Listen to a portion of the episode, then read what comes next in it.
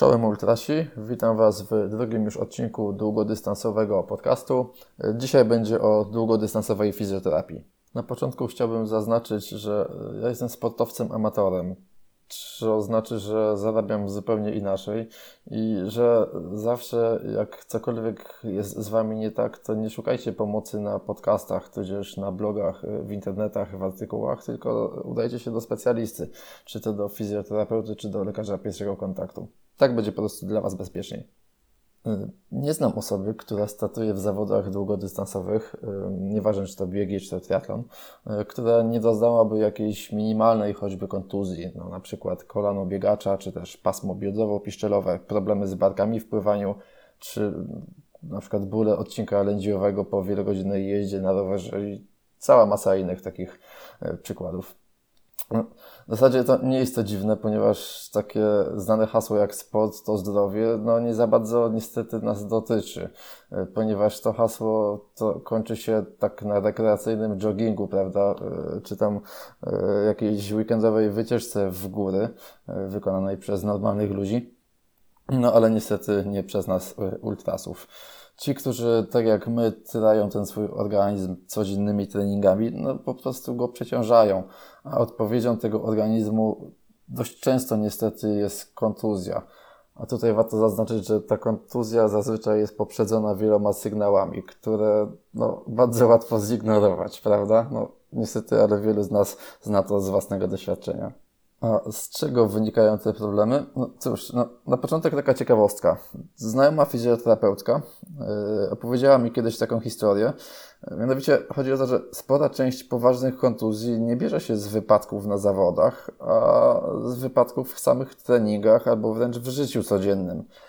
Jaki jest tego powód? No, najpewniej chodzi o zmęczenie i dekoncentrację, po prostu najzwyklejszą w życiu rutynę, którą mamy na co dzień.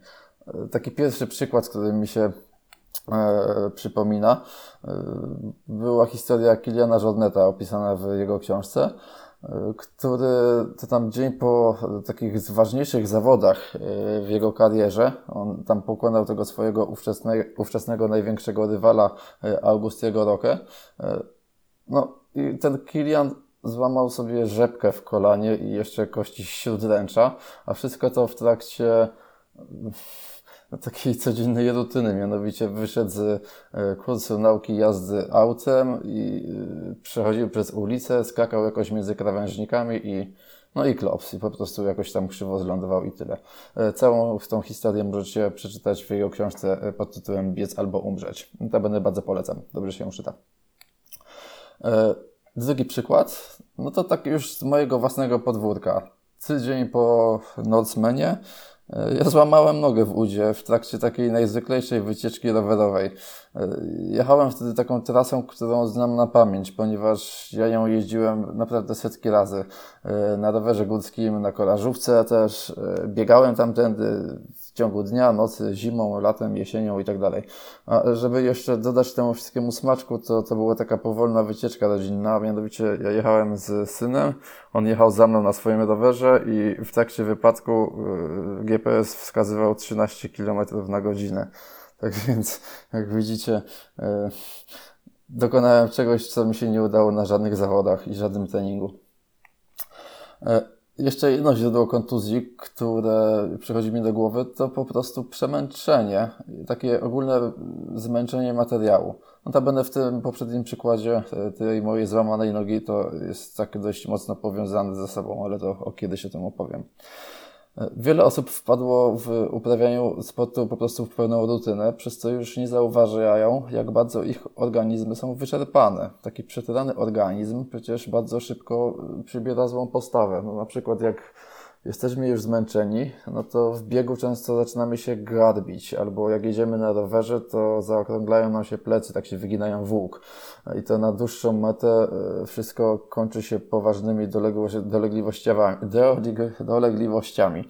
E, szczególnie w sportach, gdzie jest sporo tej powtarzalności, czyli w tych naszych biegach e, na wielokilometrowych trasach, gdzie cały czas obciążamy te same partie. No i Inną przyczyną kontuzji często jest też zła technika.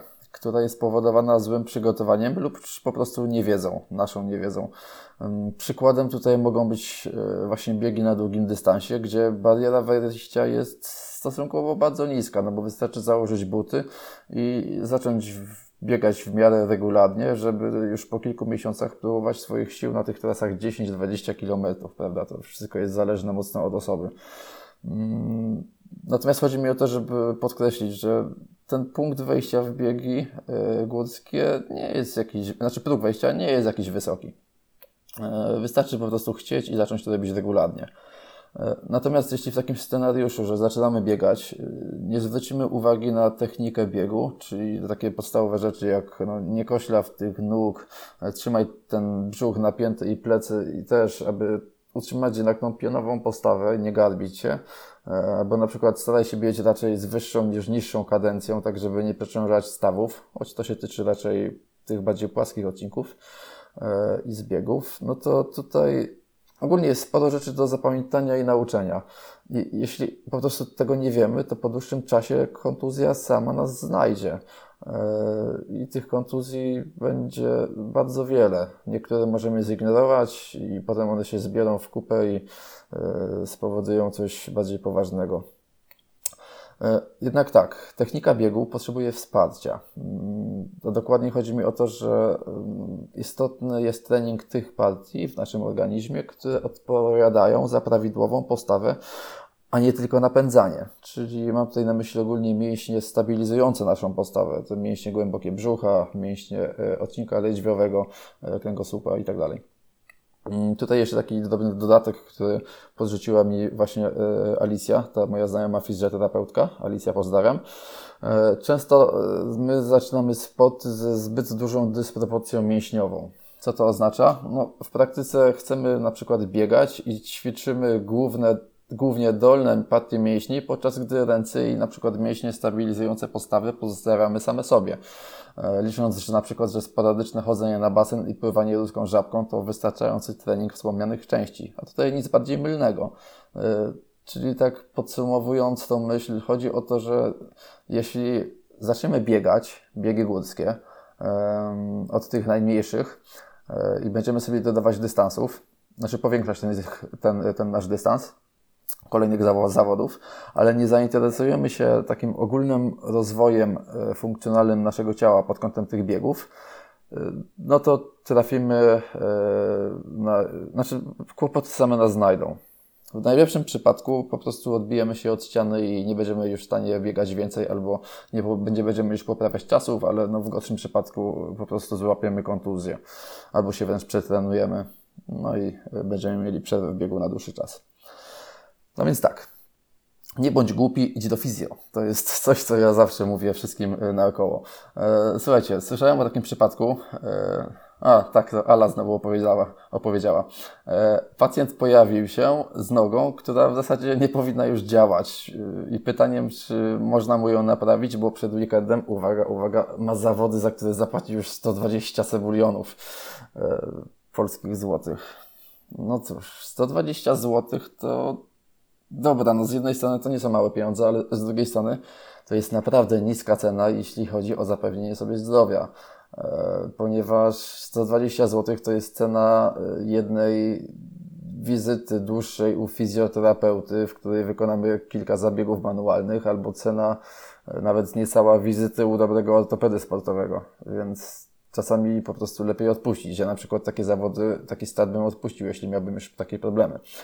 E, no ale zacznijmy od tego, że ja bym właśnie się nie doprowadził do takiego stanu w taki sposób, e, czyli w startowanie w zawodach w trakcie kontuzji, ale to nie znaczy, że nie znam innych sposobów, e, równie głupich na to, żeby się kontuzjować. Niektórzy z Was, którzy mnie znają, wiedzą o tym doskonale.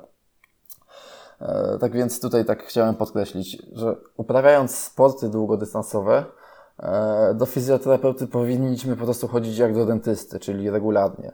To nie jest coś, e, co odkładamy do czasu, aż nam, prawda, stopa odpadnie albo e, bark już kompletnie nie będzie chciał machać, znaczy spowoduje, że ręka nie będzie kompletnie chciała już działać, prawda, w trakcie pływania. E, takie rzeczy fizjoterapeuta powinien wyłapywać na bieżąco, natomiast my musimy mu dać szansę podczas, poprzez właśnie tą wizytę u niego. E, teraz tak, no, powodów temu e, właśnie e, ku, temu, ku tym regularnym wizytom jest wiele. No. Pierwsza wizyta w ogóle dobrze by była takim ogólnym sprawdzeniem waszej fizjologii pod kątem funkcjonalnym w sporcie, który chcecie uprawiać. Mm, dzięki temu fizjoterapeuta będzie w stanie Wam odpowiedzieć, nad czym trzeba pracować. No bo jeśli biegasz, a masz słabe plecy, e, albo pływasz, a masz mięśnie brzucha nie dające spacia, no to fizjoterapeuta Wam wskaże dokładnie, co trzeba rozwinąć, nad czym trzeba pracować. A nad czym nie? No bo na przykład czwórki, e, mięśnie czworogłowe uda macie dobrze rozwinięte, więc zostawcie już w spokoju, ale zajmijcie się plecami. No tak. Kolejnym powodem takich regularnych wizyt u fizjoterapeuty jest fakt, że nasze organizmy ciągle się rozwijają. E, chociaż od pewnego wieku to można powiedzieć, że się już zwijają. E, natomiast e, nabywamy po prostu z czasem różnych nowych schorzeń i dysfunkcji.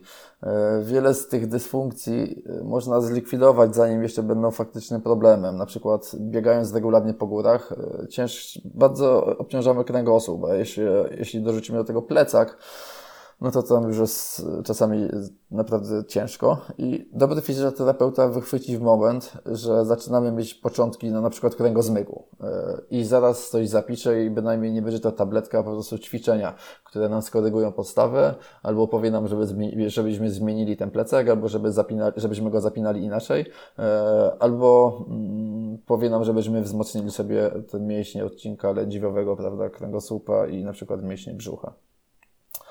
A jeśli w ogóle na starość chcemy kończyć maratony czy triatlony, ja przykładowo tak zupełnie prywatnie mam taką, yy, takie marzenie, żeby w wieku 80 lat dalej kończyć te górskie triatlony, no to taka wieloletnia znajomość z fizjoterapeutą to wręcz sprawa konieczna.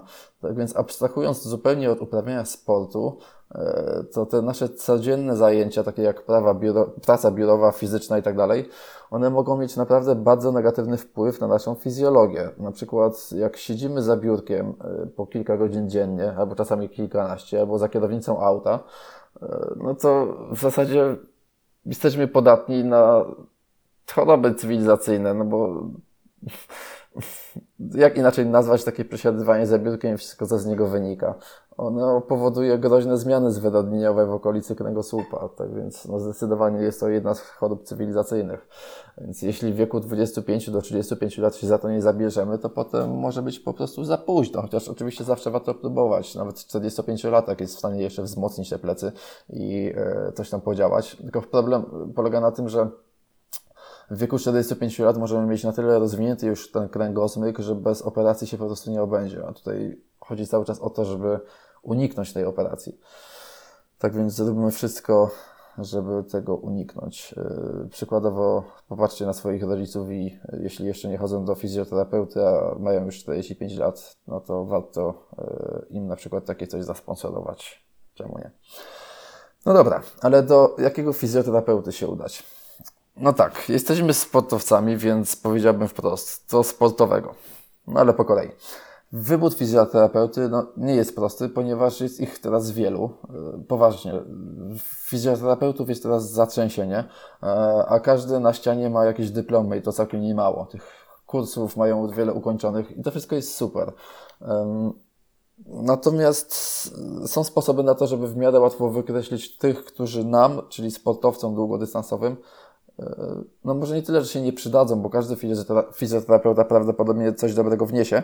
E, natomiast e, są tacy, którzy po prostu trafią od razu w sedno i nie będziemy tracić swojego czasu i ich czasu. Więc tak, szukamy fizjoterapeuty sportowego, e, czyli takiego, który zrozumie, czym my się zajmujemy e, i na proste kontuzje nie zapisze zaprzestania biegania i będzie w stanie w głowie ułożyć wieloletni plan dla naszego rozwoju motorycznego, właśnie pod kątem tego sportu, z którym e, się chcemy związać. No i z korektą na nasz wykonywany zawód i różne dysfunkcje. Czyli Chodzi o to, żeby to był fizjoterapeuta z takim holistycznym podejściem. Ktoś, kto z tobą porozmawia, zapyta się, e, jaką masz historię, jaką masz przeszłość, zapuka do kręgosłupa i tam do różnych innych elementów twojego organizmu, zobaczy, co się tam dzieje, e, zapyta o to, jakie sporty chcesz uprawiać, na jakim jesteś etapie, e, zrozumie, w jaki sposób wygląda twoja codzienna rutyna w pracy, w domu i tak dalej, czy na przykład chodzisz do pracy, czy jeździsz autem, czy na rowerze i tak dalej, i tak dalej no i w ten sposób nakreśli Ci, nawet tak na prędce, e, nad czym trzeba pracować, na co trzeba zwrócić uwagę i czego trzeba się wystrzegać. Brzmi prosto? No, w sumie to taki jest, z tym ale że takich ludzi jest niestety niewielu. E, no, podam Wam kilka takich kryteriów. Super, aby, kryterium pierwsze, super, aby fizjoterapeuta opiekował się jakimiś sportowcami. Im bardziej są znani ci sportowcy, tym lepiej. E, dzięki temu mamy pewność, że ten fizjoterapeuta zna się na rzeczy, czyli na pracę ze sportowcami, z całym szacunkiem dla rehabilitantów, których praca jest mega trudna, ale nie zawsze zgodna z rozwojem sportowym. Ja naprawdę bardzo szanuję rehabilitantów i korzystam często z ich usług, natomiast y, no to nie zawsze jest tak, że rehabilitant będzie rozumiał naprawdę tak w szczegółach i doskonale y, potrzeby y, sportowca, nawet amatora. Drugi punkt, bardzo dobrym wyznacznikiem tego, czy fizjoterapeuta jest sportowo ogarnięty, jest fakt, czy prowadzi zajęcia z treningu funkcjonalnego dla sportowców, bo to by oznaczało, że poza taką doraźną pomocą i y, jakimś takim badaniem pod kątem funkcjonalnym i terapią manualną jest też w stanie zasugerować i poprowadzić Wasz rozwój fizjologiczny pod kątem tego naszego sportu i naszych problemów. E, przykładowo fizjoterapeutka, e, do której ja chodzę, prowadzi nam te zajęcia i one wyglądają w ten sposób, że każdy wykonuje inne ćwiczenia zupełnie. Ona chodzi między nami i pamięta doskonale, kto nad czym pracuje i po prostu tak je dostosowuje. Więc takich ludzi szukajcie. E, trzeci punkt. Dobry fizjoterapeuta to taki, który nie tylko potrafi zadać ból, a właśnie to jest taki super punkt, e, ale przede wszystkim wiedzieć, kiedy tego nie robić i potrafi to wyjaśnić. No bo tak, ugniatać mięśnie to, to jest to męczące, ale to nie zawsze jest rozwiązanie problemu i nie zawsze jest to dobre rozwiązanie. E, czasami wręcz to szkodzi. Spotkałem się z taką opinią, że dobry fizjoterapeuta to, to, to taki, od którego jak się wyjdzie, to wszystko boli, tak głęboko potrafi wjechać łokciem. E, no cóż, e, ja naprawdę wolę jednak oceniać fizjoterapeutów za pomocą innych kryteriów, które tutaj wymieniam. E, przede wszystkim dobrze jest odróżnić masażysty od fizjoterapeuty no, to jest dość spora różnica. Ci pierwsi mają faktycznie ciężką pracę, męczącą, ale jednak jak się tak na co dzień poświęcają głównie masażom, to ciężko im będzie zdiagnozować taką dość specyficzną kontuzję sportową, z którą e, no, nie spotykają się na co dzień albo o której nie rozmawiają na jakichś tam sympozjach specjalistycznych i tak dalej. Z całym szacunkiem oczywiście do tych ludzi. Tak jak wspomniałem, korzystam z ich usług i, i naprawdę sobie cenię.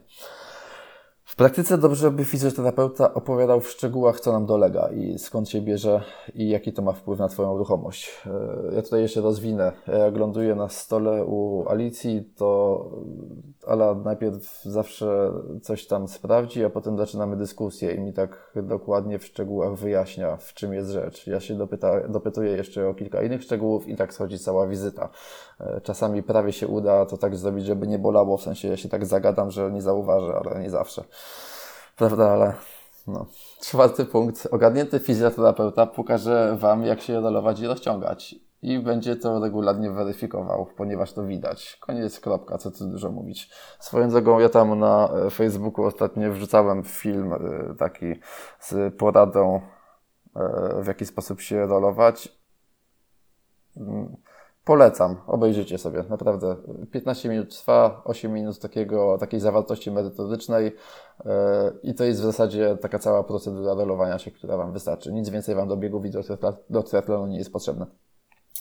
Yy, I punkt ostatni. Jeśli się ma USG, znaczy jeśli ten fizjoterapeuta ma USG, ponieważ my w domu to raczej nie, no to w ogóle jest super, no bo yy, wiecie, przychodzicie do fizjoterapeuty, on wam odpala to USG i od razu wam mówi, co jest grane.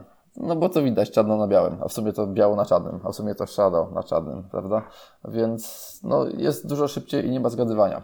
E, no ale niestety, znaczy niestety, niestety, no nie wszędzie USG jest, nie? To nie jest tania rzecz, więc e, to jest raczej takie fajnie mieć.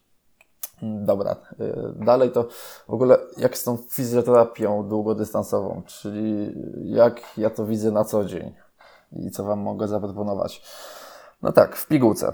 Chodź regularnie do fizjo, tak jak wspomniałem. Jeśli nic się nie dzieje, to widuj się z nim na treningach funkcjonalnych, tak dobrze minimum raz w tygodniu. No i w trakcie tych takich treningów funkcjonalnych zawsze można trochę ponarzekać na to, że coś nas boli, e, a fizjoterapeuta, który prowadzi takie zajęcia, nawet jak jest zarobiony, to no po prostu zauważy. No, oni mają naprawdę super oko do zauważania takich rzeczy.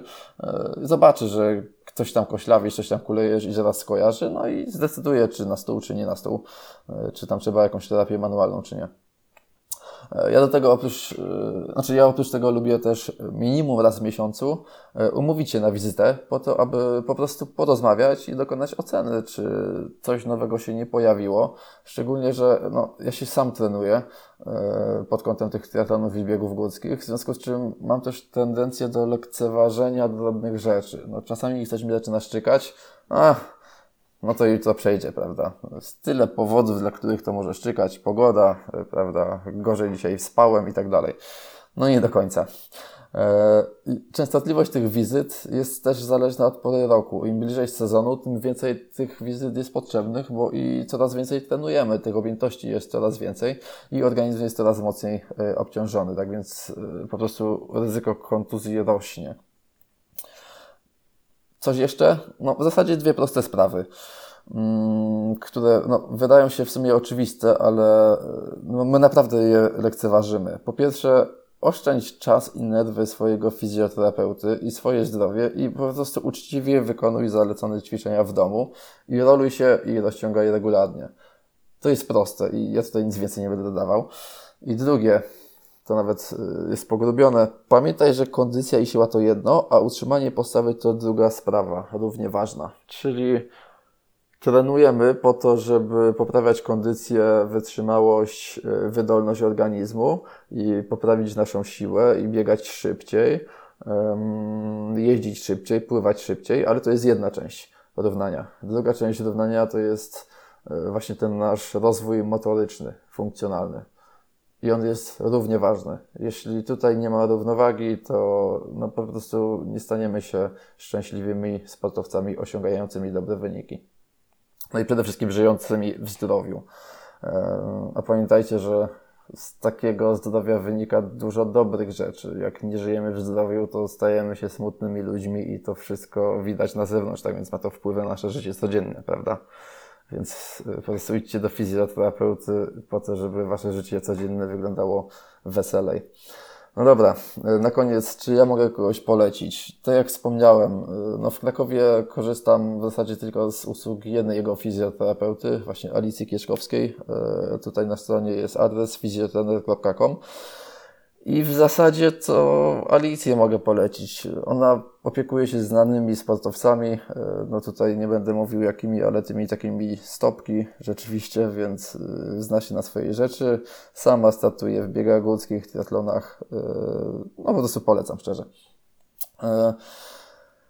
Druga, drugi fizjoterapeuta to w Bielsku słyszałem o ortomedzie, bardzo dobre rzeczy. Tam znajoma, którą poznałem e, w zeszłym roku na Lavaredo, e, to właśnie potem się kontuzjowała i e, opisywała na Facebooku, jak jej rehabilitacja przebiegała. I no naprawdę mi się to podobało, co oni tam robią, więc ortomed Bielsko-Biała. No i oprócz tego Marcin Konieczny, MKON, obiecy, przepraszam, polecał na swoim blogu kogoś, to sobie łatwo możecie znaleźć. No to tyle na dziś. Dzięki wielkie za wysłuchanie tego podcasta. Mm, no i do usłyszenia przy następnej części. Cześć.